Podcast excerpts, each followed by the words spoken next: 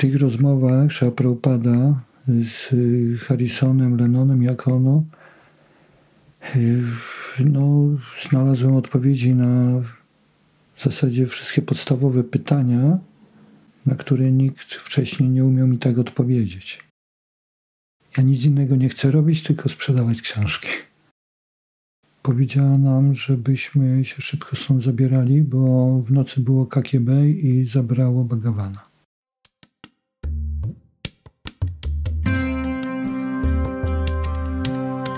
Girlandy Kryszny. W tej audycji znajdziesz rozmowy wielbicieli Kryszny, ich historie, doświadczenia i refleksje. Porozmawiamy o tym, dlaczego podjęli proces bhakti yogi, jak sobie radzą w życiu, jakie są ich wyzwania i marzenia. Zapraszamy.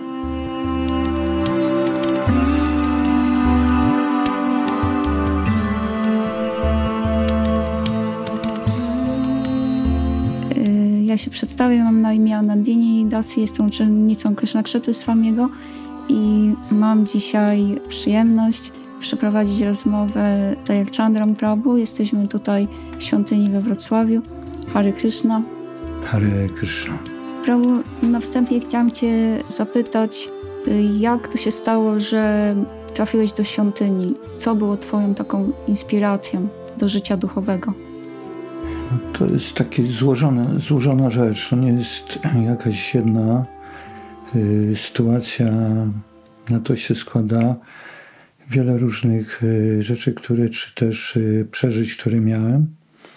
No, a z biegiem czasu, y, poznawając y, naukę, filozofię Wajsznawa, y, myślę, że to się już ciągnęło kilka żyć, może jeszcze więcej bo takie inklinacje duchowe miałem praktycznie od dzieciństwa. Przez 8 lat całą szkołę podstawową byłem ministrantem. Wcześniej chodziłem do przedszkola u sióstr zakonnych. A później okres liceum dla mnie był takim czasem poszukiwań Zawsze mnie zastanawiało to, y, do czego zmierza, jaki jest cel tego życia i czy będąc w kościele katolickim, czy ucząc się w szkole, y, tam nie mogłem tego znaleźć. Y, jedna strona mówiła, że świat powstał z wybuchu, że jest ewolucja, a z drugiej strony mówiono, że ten świat stworzył Pan Bóg i w żaden sposób jedna czy druga strona nie potrafiła mi tak jakby połączyć tego wszystkiego. I dopiero po iluś tam latach dostałem w prezencie książeczkę, książkę Poza narodziny i śmierć od y, mojego kolegi, przyjaciela, z którym pracowałem y, w klubie jeździeckim. Przyniósł właśnie tą książeczkę, czytał ją.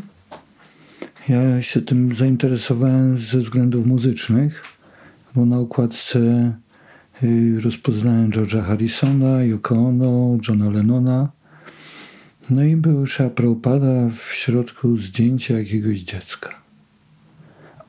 Trochę dla mnie to był kosmos, ale po przeczytaniu tej książki, tych wywiadów Prabhupada y, z, z tymi znanymi muzykami, którymi w tym czasie też byłem dużym fanem, bo muzyka mnie też y, jakby zajmowała od dzieciństwa. Chodziłem do szkoły muzycznej, y, także jakby cały czas to też było obecne w moim życiu i później też to był jeden z elementów, który mnie bardzo przyciągnął do świadomości Kryszny. No i w, tej, w tych rozmowach Prabhupada z Harrisonem, Lennonem, jak ono, no, znalazłem odpowiedzi na w zasadzie wszystkie podstawowe pytania, na które nikt wcześniej nie umiał mi tak odpowiedzieć. Także jestem wdzięczny temu koledze Jarkowi.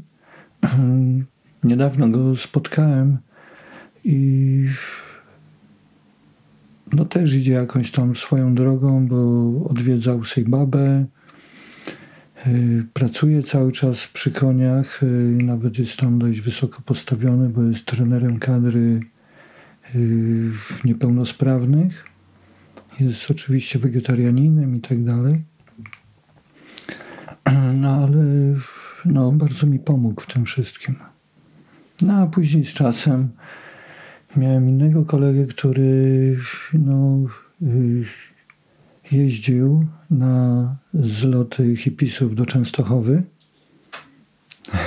i opowiadał mi, jak tam baktowie przyjeżdżali i jak y, na mieście pokazywały się jakieś plakaty w związku ze spotkaniami z baktami, to zawsze dzwonił, informował mnie, słuchaj, tam jest spotkanie bakti yogi, ciebie to interesuje, możesz iść. I, i pamiętam, jak y, było w ekonomiku, trafiłem na takie spotkanie, gdzie Waruna Prabhu y, zrobił badżan, grając sam na kartalach, potem zrobił wykład i potem rozdał prasadom, które sam ugotował. I to praktycznie było takie bezpośrednie moje pierwsze spotkanie z baktami. Później były kolejne jakieś programy. No, później już y, się zawiązała świątynia na ulicy Buczka wtedy. To jest teraz jest y, Probusa chyba się nazywa ta ulica. Y, no i regularnie zacząłem już praktykować proces. A prawo, jak myślisz, od czego to zależy, że y, ktoś od razu podejmuje służbę, tak jak ty, że no, wydaje się, że ci koledzy byli bardzo pomocni, natomiast y, jednak oni nie zostali waktami. Jak ci się wydaje, od czego to zależy, że, że ktoś, do, do kogoś od razu trafia ta filozofia i podejmuje proces świadomości Kryszny? Myślę, że to też jest y, dość złożone i Trudno mi tak e, jednoznacznie powiedzieć. Myślę, że znając filozofię, możemy powiedzieć o pragnieniach i też naszych potrzebach. E, możemy powiedzieć o łasce Kryszny. No i też o tym, co robiliśmy w poprzednim życiu. Że to myślę, że te Pewnie jeszcze inne czynniki na to wpływają. Nasza karma też myślę, że ma tu spore znaczenie, bo przez karmę rodzimy się w odpowiednich warunkach i spotykamy ludzi i te nasze przede wszystkim pragnienia jakby tu wychodzą. Zawsze miałem taką potrzebę Y, dojścia trochę głębiej niż to, co widać na wierzchu, na zewnątrz. Y, czyli prawo pierwszym miejscem, w którym ty mieszkałeś z baktami i można powiedzieć, że w pełni y, zaangażowałeś się w ten proces świadomości Kryszny, to, to była właśnie ta świątynia Przybuczka we Wrocławiu, tak? Czyli teraz Probusa. No, można tak powiedzieć, aczkolwiek ja nie mieszkałem tam. Aha. Zamieszkałem z Baktami troszeczkę później, jak y, mieliśmy nowe miejsce na Nowowiejskiej. Mhm. Mhm. Także to był rok chyba 91. Bo to moje jakby pierwsze spotkanie się z tą książką to był rok 85, 6 jakoś tak. Także to jeszcze pracowałem, jeszcze yy, no, nie pełniłem w pełni służby oddania. tak w takim wymiarze jak w świątyni. No, miał tu duży wpływ mój wypadek na koniu, gdzie przewróciłem się z koniem, złamałem nogę, pół roku byłem na zwolnieniu. No i już później do pracy nie wróciłem. Przyznano mi rentę. To były takie czasy, że to było możliwe i będąc na rencie już miałem jakby otwartą drogę do tego, żeby zamieszkać z baktami. I powiedz Prabu, kiedy się przeprowadziłeś do świątyni, czy wszystkie te właśnie zasady y, związane z procesem świadomości Kryszny, wszystkie te czynności takie codzienne, one przyszły ci łatwo, że to było dla ciebie naturalne, no bo jednak y, jakby nie było, ta kultura Wajsznawa, ona przyszła z Indii i są różne takie elementy, które, po prostu, z którymi w Polsce raczej się nie, nie spotykamy. I właśnie jestem ciekawa, czy kiedy przeprowadziłeś się do świątyni, to, to jakby to wszystko tak y, łatwo ci przyszło. Znaczy, sam moment zamieszkania to jakby już był ten efekt tego, co się wcześniej wydarzyło. Spotykając się z baktami, przychodziłem na programy y, niedzielne czy na jakieś święta. Y, no, wiedziałem i były rozmowy na temat, co baktowie robią, jak to wszystko wygląda i tak dalej. Y, to na przykład było dla mnie dosyć trudne, żeby doci założyć. Na przykład. I w 1989 roku mi się udało wyjechać do Indii Czyli to już było jakieś dwa czy trzy lata od momentu, jak zacząłem mantrować. I dopiero w Indiach Svetavaraha mnie uczył, jak się doti zakłada. No, w tej chwili nie mam z tym problemu. A drugą taką trudną jakby rzeczą było dla mnie to, że jak widziałem, co baktowie robią, jak na przykład gloryfikują dystrybucję książek, że wychodzą na Sankirtan, podchodzą do ludzi, rozmawiają z nimi, sprzedają te książki, to wtedy sobie myślałem, że ja mogę robić wszystko.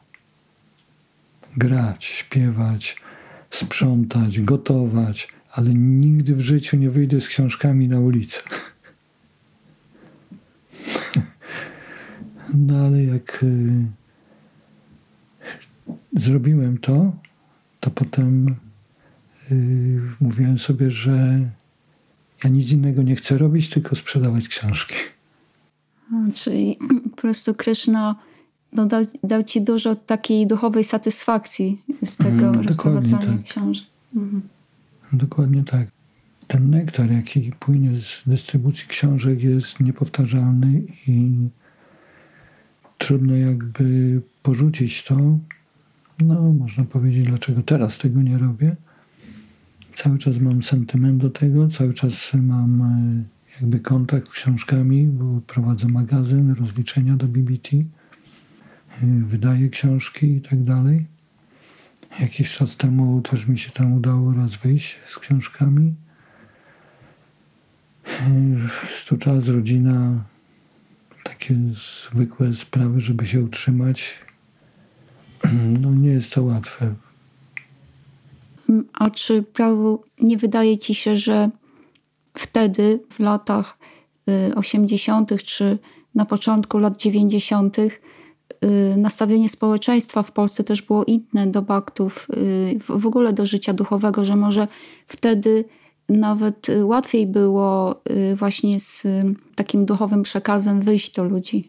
Z jednej strony tak.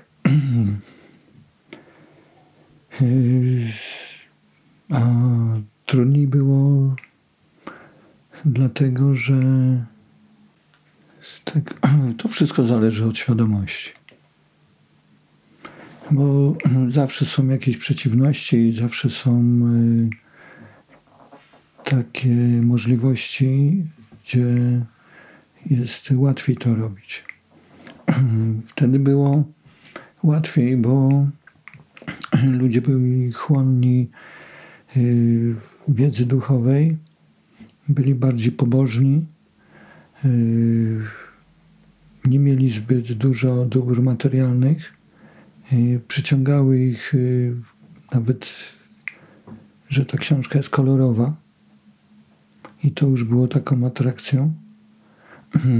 To w jaki sposób była ona prezentowana, to też przyciągało, że było coś o jodze, o reinkarnacji, o życiu duchowym i tak dalej. To wiele osób z ciekawości chciało poczytać, a że no, na rynku nie było zbyt wiele takich atrakcji.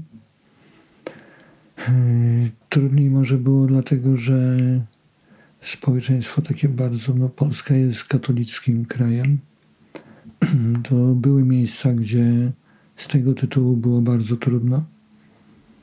Później był ten okres y, jakby upadku y, PRL-u. Wiele rzeczy przychodziło z zachodu. No i też przyszła tak zwana nagonka na różne sekty, gdzie nas nie oszczędzono wtedy. W ciągu tygodnia zawsze jakieś kilka osób spotykałem, którzy no tak wyrażali, że od żadnej sekty nie chcą nic, kupować, że jesteśmy sekciarze, że my robimy coś złego i tak dalej. Kiedyś pamiętam w Kołobrzegu jedna siostra zakonna y, mówiła, że będzie się modlić za mnie, y, że idę ścieżką szatana i tak dalej. Także no, różne były sytuacje. Jakiś czas temu, jak pytałem jednego z baktów, którzy wtedy wychodzili teraz, y, czy jest jakaś różnica, to mówił, że nie. To jest kwestia umysłu, naszej świadomości, bo zawsze jest jakaś trudność i zawsze jest coś, co nam ułatwia. A propos, chciałam Cię zapytać o Twoje doświadczenia z baktami poza Polską, bo pamiętam, kiedyś mi opowiadałeś, jak byłeś na Białorusi, z tego co pamiętam. Mm, to była Litwa. A Litwa. Mhm. Y, to był dokładnie, to był dokładnie 88 rok. Y, mój ojciec pochodził z Wilna i to był rok, kiedy mnie, moją siostrę i brata zabrał, żeby pokazać swoje rodzinne miasto. Ja już wtedy mantrowałem. I po tym Wilnie chodziłem z Japasem, a z kolei przed wyjazdem rozmawiałem tu z baktami we Wrocławiu, to nie znali nikogo w Wilnie. Wiedzieli tylko, że w Moskwie są baktowie i że działają raczej w ukryciu. I jakby to no, jechałem z taką kompletną niewiedzą, co czy w ogóle spotkam, czy ktoś tam jest, czy nie ma. Na wszelki wypadek wziąłem kilka tomów e, Srimad Bhagavatam, no jakieś tam broszury, coś tam jeszcze. Pamiętam też na granicy, jak jechaliśmy pociągiem, bo też e, dla rodziny, która tam e, mieszkała, oni prosili, żebyśmy Biblię przywieźli. Ale mówili, żeby ją ukryć, żeby nie pokazywać, bo jest to zakazane, że możemy mieć z tego tytułu problemy. No i podobnie myślałem, że jak tam te kilka książek, nie pamiętam, cztery czy pięć tomów Szymon Bhagavatam wiozłem, że, że z tego powodu, żeby nie mieć kłopotów, to też coś musiałem wymyśleć. No i zdecydowałem, że te książki położę na wierzchu. przedziale na stoliku one sobie leżały. Jak przyszła kontrola, dałem jedną książkę ojcu, drugą bratu, dwie leżały. Oni przyszli, sprawdzili paszporty, spojrzeli na te książki i poszli dalej. Także nic, nic e, się nie wydarzyło. E, a z kolei spotkanie z baktami to już było jakby tak w drugiej części pod koniec pobytu. Jechaliśmy z rodziną Y, chcieli nam pokazać Kowno. Niedaleko Wilna jest Kowno, takie dość y, turystycznie, turystycznie atrakcyjne miasto. No i na na dworcu ja sobie tam chodziłem, mantrowałem i nagle do mnie podchodzi taki człowiek, długie włosy, wyglądał trochę jak Jezus. Miał w ręku korale buddyjskie, no ale podchodząc złożył ręce i powiedział Hare Krishna. No, zaczęliśmy rozmowę. On mówił, że przyjechał tutaj do Baktów, chyba z Mińska, z Mińska albo z Lwowa, już nie pamiętam. No i tam żeśmy wymienili się adresem, telefonem. Jak ja wróciłem z tego Kowna, to od razu na drugi dzień rano zadzwoniłem, umówiłem się, pojechałem. No i wtedy spotkałem się z baktami z, z, z Wilna. Zaprosili mnie na program. W jakichś blokach było, nie wiem, na którymś tam piętrze. No i też zaproponowali, że bo właśnie mają w Kownie świątynię yy, i, i jakbym chciał, mogę z nimi pojechać. I wtedy spotkałem yy, spotkałem Baktę, który no w tej chwili jest yy, saniasinem.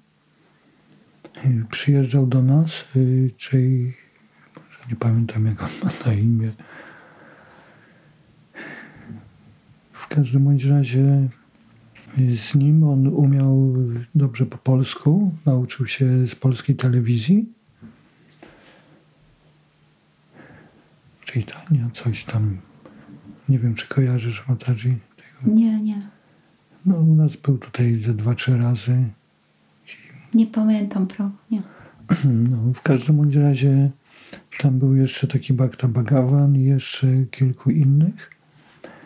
Y, pojechaliśmy do tego Kowna.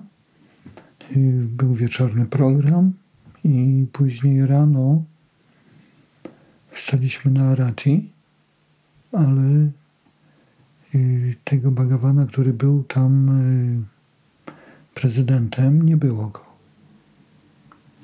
Zostało dwóch baktów, którzy spali w pokoju świątynnym tam były praktycznie dwa pomieszczenia. Był taki mały przedsionek, był, potem była kuchnia z częścią taką jakby łazienkową i pokój kuchenny. Y, pokój y, świątynny, przepraszam. Y, ja spałem w tym pokoju świątynnym, a Bagawan spał w kuchni i dopiero po prasada przyszła sąsiadka powiedziała nam, żebyśmy się szybko stąd zabierali, bo w nocy było KGB i zabrało Bagawana. No i szybko żeśmy książki spakowali do samochodu i wróciliśmy do Wilna. Tam inni się rozjechali i no i później wyjechałem z tego Wilna. I yy, tych baktów spotkałem później w 89 roku w Majapur. To był rok, gdzie baktowie z Rosji pierwszy raz przyjechali Y, do Indii.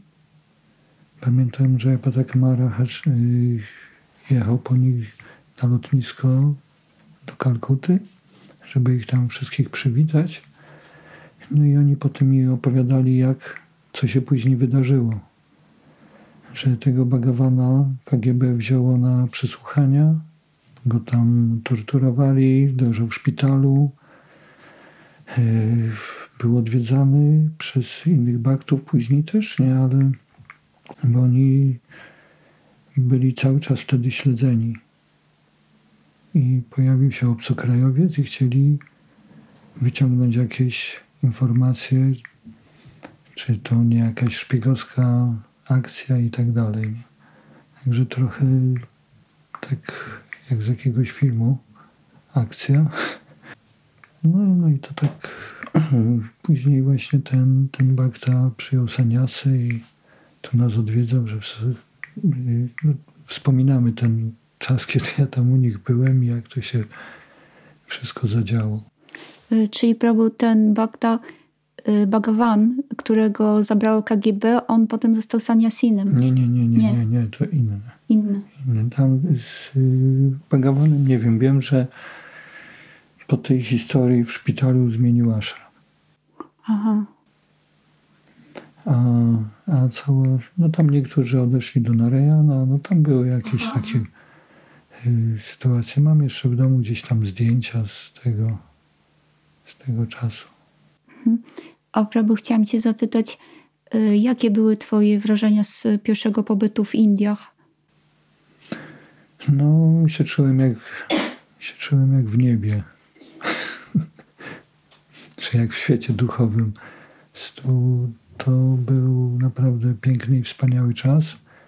Później po pięciu latach, czy tam po sześciu, pojechałem do Indii drugi raz z moją mamą, dla której to była podróż życia i którą cały czas wspominała najlepiej jak tylko potrafiła. A czy Y, w tym czasie, kiedy byłeś pierwszy raz w Indiach, wydarzyło się coś szczególnego, co zainspirowało cię y, w życiu duchowym. I chciałam jeszcze zapytać, czy y, ci się wydaje, że dla bakty urodzonego w krajach zachodu ta, taka podróż do Indii ma znaczenie? No nie wiem, czy dla wszystkich. Dla mnie miała bardzo duże znaczenie. I wtedy tam po prostu no jakby do mnie dotarło to, że to jest to, czego szukałem, to jest to, o co mi chodziło i to jest to, co chcę praktykować. Bardzo duża inspiracja i pamiętam bardzo mocno emocjonalnie, tak duchowo, w takim dużym uniesieniu przeżyłem parikram przed y, Gaurapurimą to było coś y, naprawdę niezwykłego. Przepraszam, w Majapur, tak? Tak, w Majapur. Mhm. W Vrindavan inaczej odbierałem. We Vrindavan trochę chorowałem. Wiadomo, Majapur jest takie bardziej łaskawe, pan Chaitanya, a we Vrindavan Krishna jest wymagający i wszelkie jakieś tam brudy wychodzą bardzo. Wiadomo, cały czas się borykamy z y, naszymi anarcha, z naszymi Y, materialnymi pragnieniami i tak dalej. Także we Vrindavan jakoś tak no też było wspaniale i cudownie i, i pięknie, ale mimo wszystko zawsze tak y, bliżej sercu mi jest Majapur. A prawo chciałam Cię zapytać y, o pierwszą inicjację. Jak, jakim ona była dla Ciebie doświadczeniem? Myślę, że to było w ten sposób, że czułem taki, taki moment w moim życiu, że jakieś drzwi, coś zostały zamknięte, zostawiłem coś za sobą, a teraz wchodzę w zupełnie jakby nowy, nową jakość życia. Też miałem poczucie, że to nie będzie takie łatwe i Wtedy też się zastanawiałem, jak ja pokonam wszelkiego rodzaju trudności. No ale byłem pełen nadziei, że to wszystko się pokłada dobrze. No, z perspektywy czasu widzę, że w niektórych sytuacjach było łatwiej niż myślałem, a w niektórych było trudniej niż myślałem. No ale to się zawsze tak w życiu jest, że z jednej strony życie może nas zaskakiwać, z drugiej strony jest bardziej przewidywalne, no ale w obecnej sytuacji, jakiej jestem, to bez bhakti yogi, bez y, tej wiedzy nie wyobrażam sobie, w jaki sposób bym mógł funkcjonować i być w miarę normalny. Rozumiem. A prawo Chciałam Cię zapytać y, o Twojego mistrza duchowego, y, jak go spotkałeś, y, jak to się stało, że właśnie Suchotras z Wami stał się Twoim guru? No, to też takie było tajemnicze, dziwne, transcendentalne, zupełnie takie jakby może nieracjonalne. Pierwszy raz o Suotrze Maharaju usłyszałem od y, mojego brata duchowego, od Praczaranandy. Wtedy to był Bakta Przemek.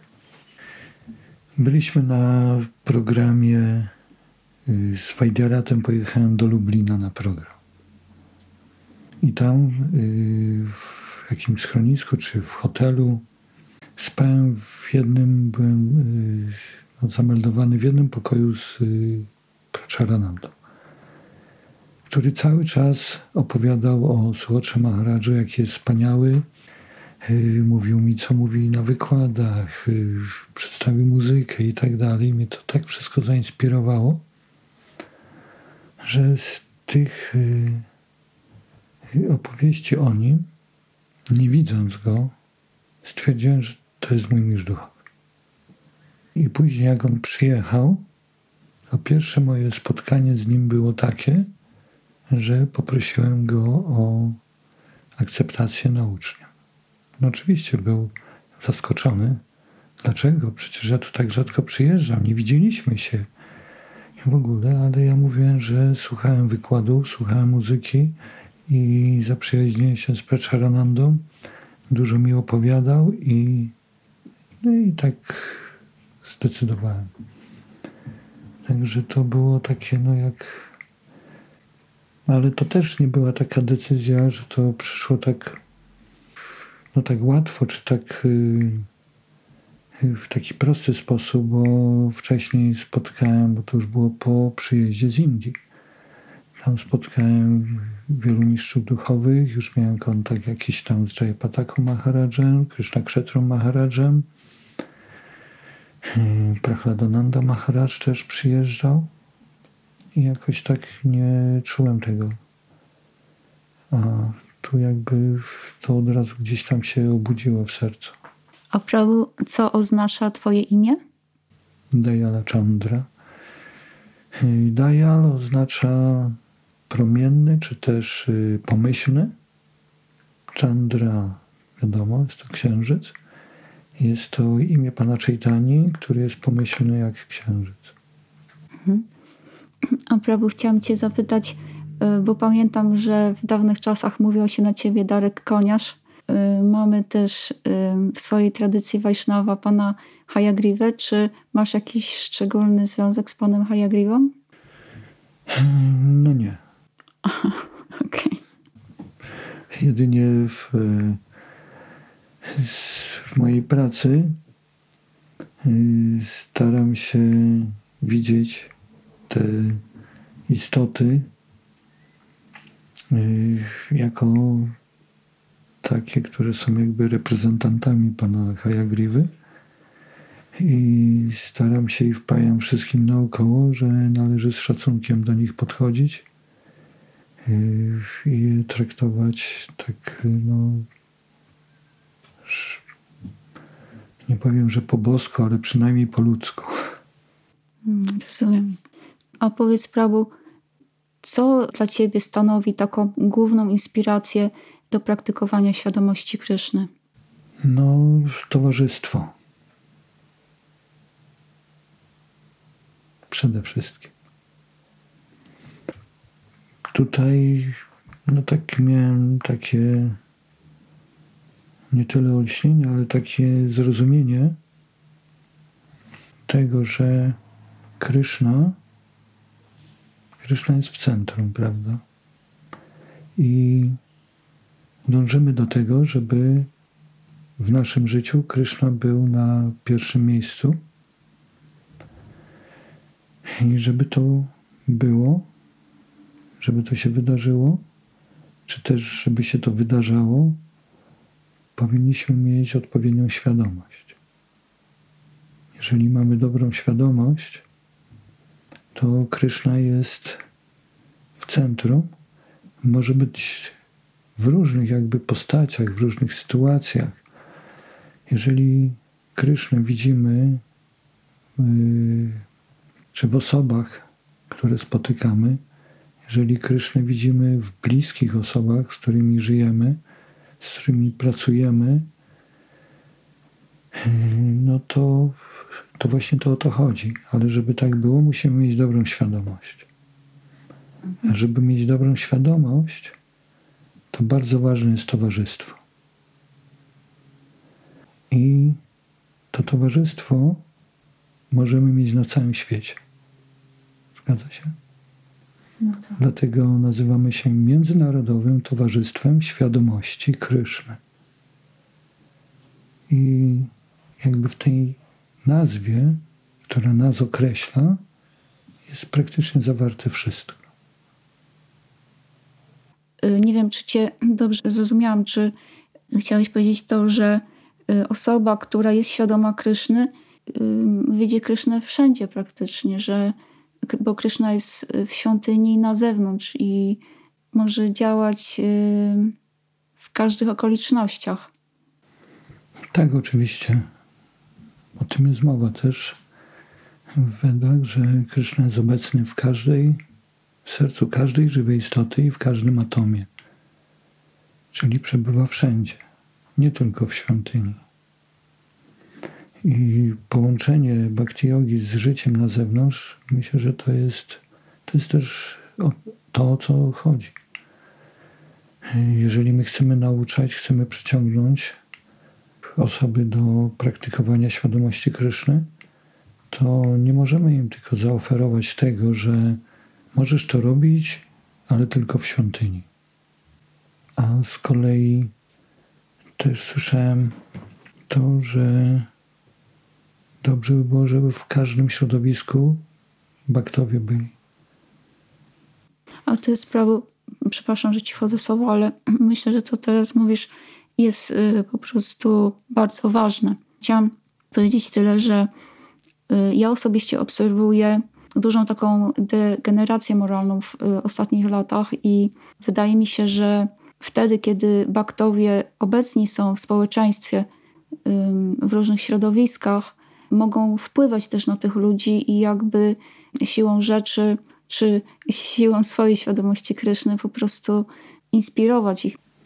Tak, a z kolei hmm, przez to, że mamy komputery, mamy internet, też y, mamy bardzo duże ułatwienie, żeby móc kontaktować się z baktami, żeby mieć ich towarzystwo, żeby odwiedzać święte miejsca.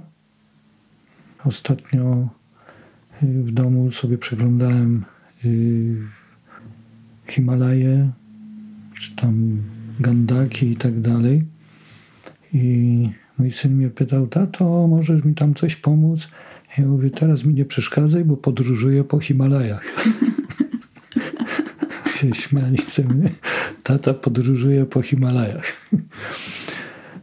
Z kolei w pracy na przykład no, wracam, czy zanim pójdę do pracy i w czasie japa znalazłem fajny sposób na to, żeby mieć y, takie wspólne japa z innymi baktami i na YouTubie włączam.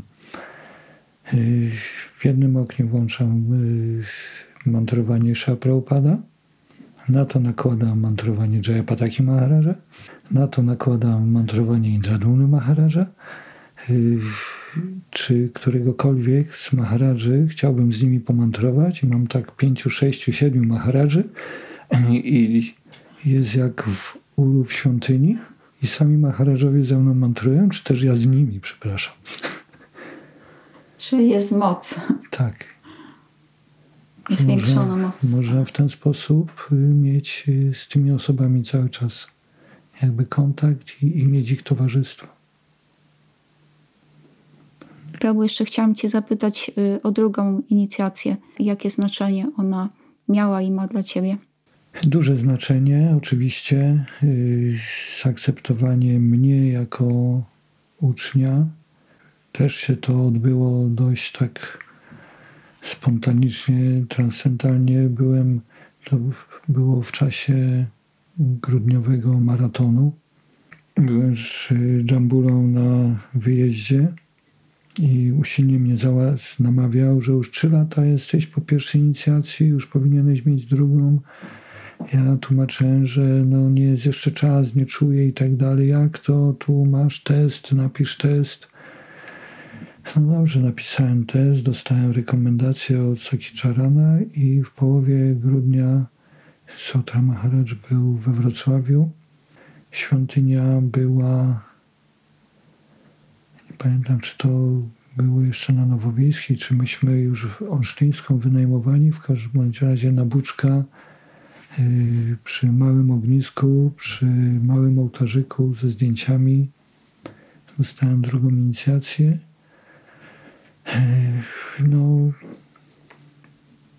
było to silne przeżycie, y, taka jak to mówią duża moc, ale mimo wszystko pierwszą inicjację dużo bardziej przeżywa. Ta druga inicjacja jakby takie było ugruntowanie się w tym. Ale ta pierwsza inicjacja to było takie jakby olbrzymie brama do bhakti jogi mi się otwierała.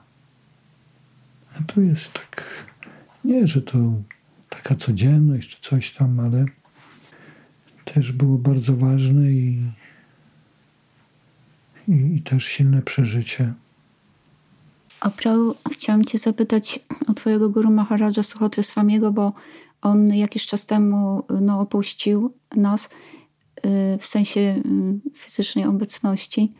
Czy mógłbyś powiedzieć coś na temat tego ostatnich lat obecności Suchotry Swamiego? Bo ja słyszałam, że on pod koniec y, życia, nie wiem jak długo mieszkał w Majapur, że w takim odosobnieniu w sumie, z tego co pamiętam. Tak, on mieszkał dwa czy trzy lata w Gurukuli u Bhaktividya Purny Maharaja. Wiem, że robił tam wykłady, y, nawet wspólnie z Bhaktividya Purna Maharaja. Pisał cały czas y, komentarze do Srimad Bhagavata, których y, no, na razie ich nie widziałem. Wiem, że są po angielsku w Mayapur. No i też y, no, wszyscy wiedzą, że odstąpił od y, bycia mistrzem duchowym i porzucił saniasy, przyjął wanaprastę, jakby o ten jeden krok y, do tyłu z różnych powodów, bardziej czy też mniej mnie znanych. W każdym bądź razie uczniowie dostali taki list z błogosławieństwem, jakby takim wyjaśnieniem, że no nie jest w stanie na dzień dzisiejszy kontynuować w ten sposób służby i prosił wszystkich uczniów, że jeżeli ktoś ma taką potrzebę i chce może przyjąć y, reinicjację od y, innego mistrza duchowego i skonowego, no tam dużo jakichś kontrowersji było. Ja osobiście jakby nie wchodziłem w tą sprawę. Dla mnie Sogotra Maharaj dalej jest moim mistrzem duchowym Diksha. Chronienie Shiksha Guru przyjąłem od Jayapataki Maharaja i mam też takie jakby duchowe wsparcie i błogosławieństwo od Indranuny Maharaja.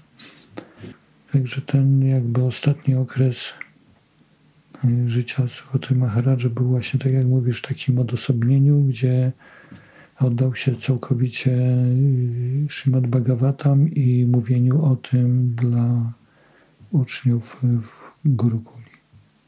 Powiedziałeś wcześniej, że na tym etapie życia nie wyobrażasz sobie funkcjonowania właśnie bez świadomości Kryszny. Jak to rozumiesz? W życiu często pojawiają się schody, czy też y, możemy to nazwać inaczej problemy.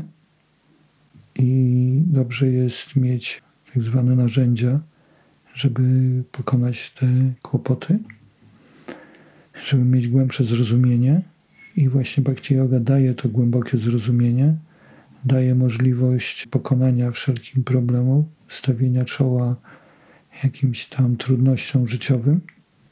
Znając filozofię, wiemy, że jest karma, że jest łaska Kryszny, że są nasze pragnienia, że to od nas zależy, y, co my z tym zrobimy. I w mojej pracy jest mi to też y, bardzo jakby pomocne, bo no, pracuję z takimi ludźmi, z którymi może wcześniej bym nie chciał, w ogóle teraz akceptuję pracuję dużo z dziećmi, które też przeżywają różne sytuacje. Teraz na przykład w okresie wakacyjnym organizujemy tam obozy i kolonie dla dzieci na koniach, gdzie każdego tygodnia mam jakiś wykład dla nich i mam y, no już takie jakby wyrobione trzy, trzy punkty, które omawiam z nimi. Jeden to jest no, podstawowe tam zasady jeździeckie, y, drugie to jest, y, mówimy o psychologii konia i o tym, w jaki sposób człowiek powinien rozumieć tego konia, a trzeci temat to jest taki, że jeżeli ktoś chce być dobrym miejscem, to musi być dobrym człowiekiem. O. I w związku z tym tematem bardzo dużo mówimy o umyśle, o kontroli zmysłów, o pokonaniu złości, strachu, gniewu, zazdrości. I mogę powiedzieć, że te dzieci z otwartymi buziami chłoną tą wiedzę.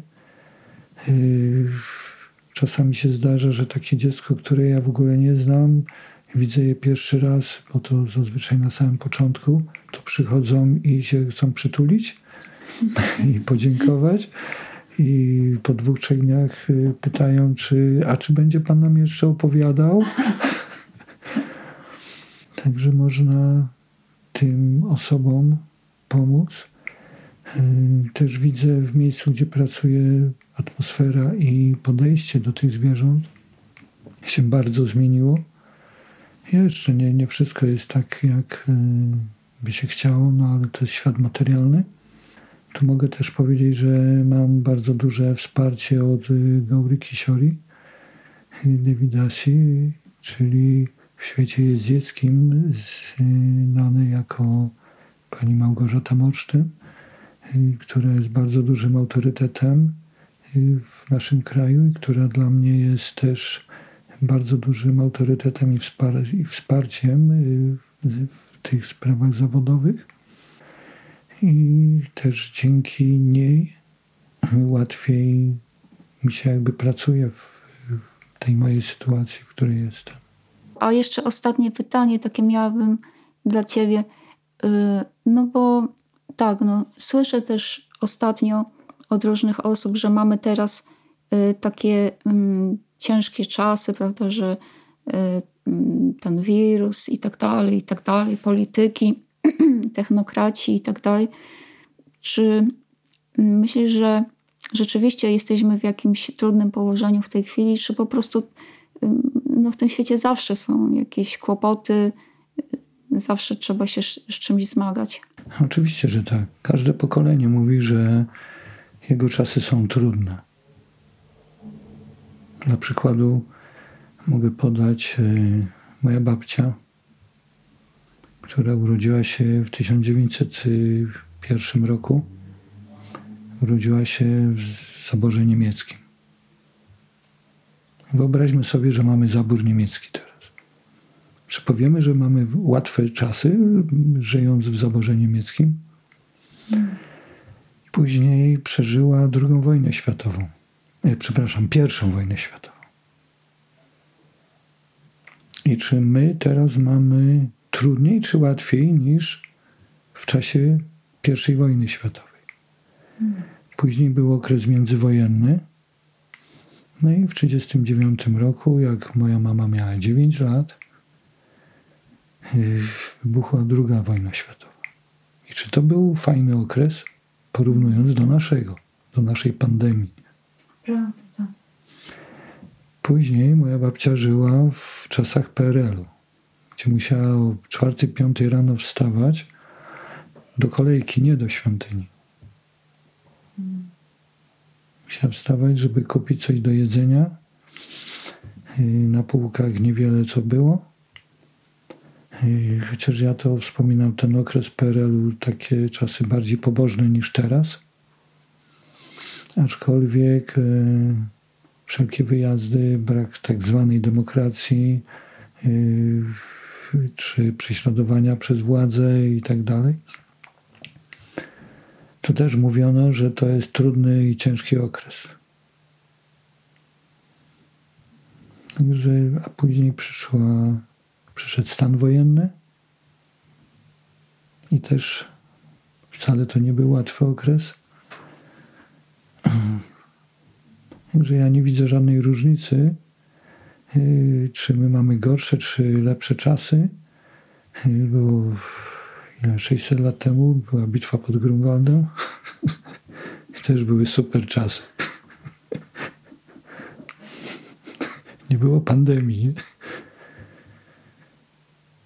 Także na przestrzeni wieków każde pokolenie mówi, że ma ciężkie, ciężkie czasy.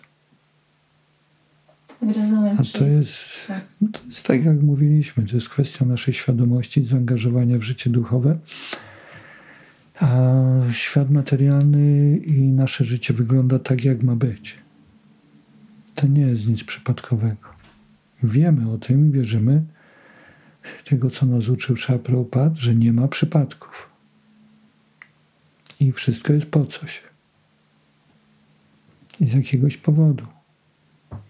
Jest karma nasza własna, karma rodzinna, karma narodowa, karma całej ludzkości.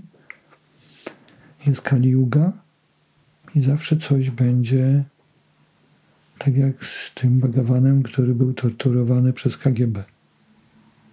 Dla niego wtedy to był trudny okres, ale to też zależy, jaką mamy świadomość. Wcale żadna pandemia ani koronawirus go nie dopadł, tylko KGB. Także zawsze, zawsze może być pod górkę, ale jeżeli umiemy i widzimy te problemy jako sytuacja, która pomoże nam wznieść się do góry, to wtedy naprawdę się wznosimy, się wzmacniamy jesteśmy coraz silniejsi. I to tak naprawdę jest stare powiedzenie, co cię nie złamie, to cię wzmocni. I, i dlatego myślę, nie ma co się rozczulać nad jedną czy drugą, piątą sytuacją, bo za 20-30 lat to, co jest teraz, minie. Ci ludzie, którzy są teraz przy władzy, on, przejdą do historii, przyjdą inni. Także a świadomość Kryszny może być dalej w naszych sercach i możemy ją dalej przekazywać i to jest ta wartość, którą możemy przenieść do kolejnego życia, czy też dzięki temu wydostać się z tego świata. Dziękuję Prawu bardzo. Ja też dziękuję. Hare, Hare Krishna. Krishna.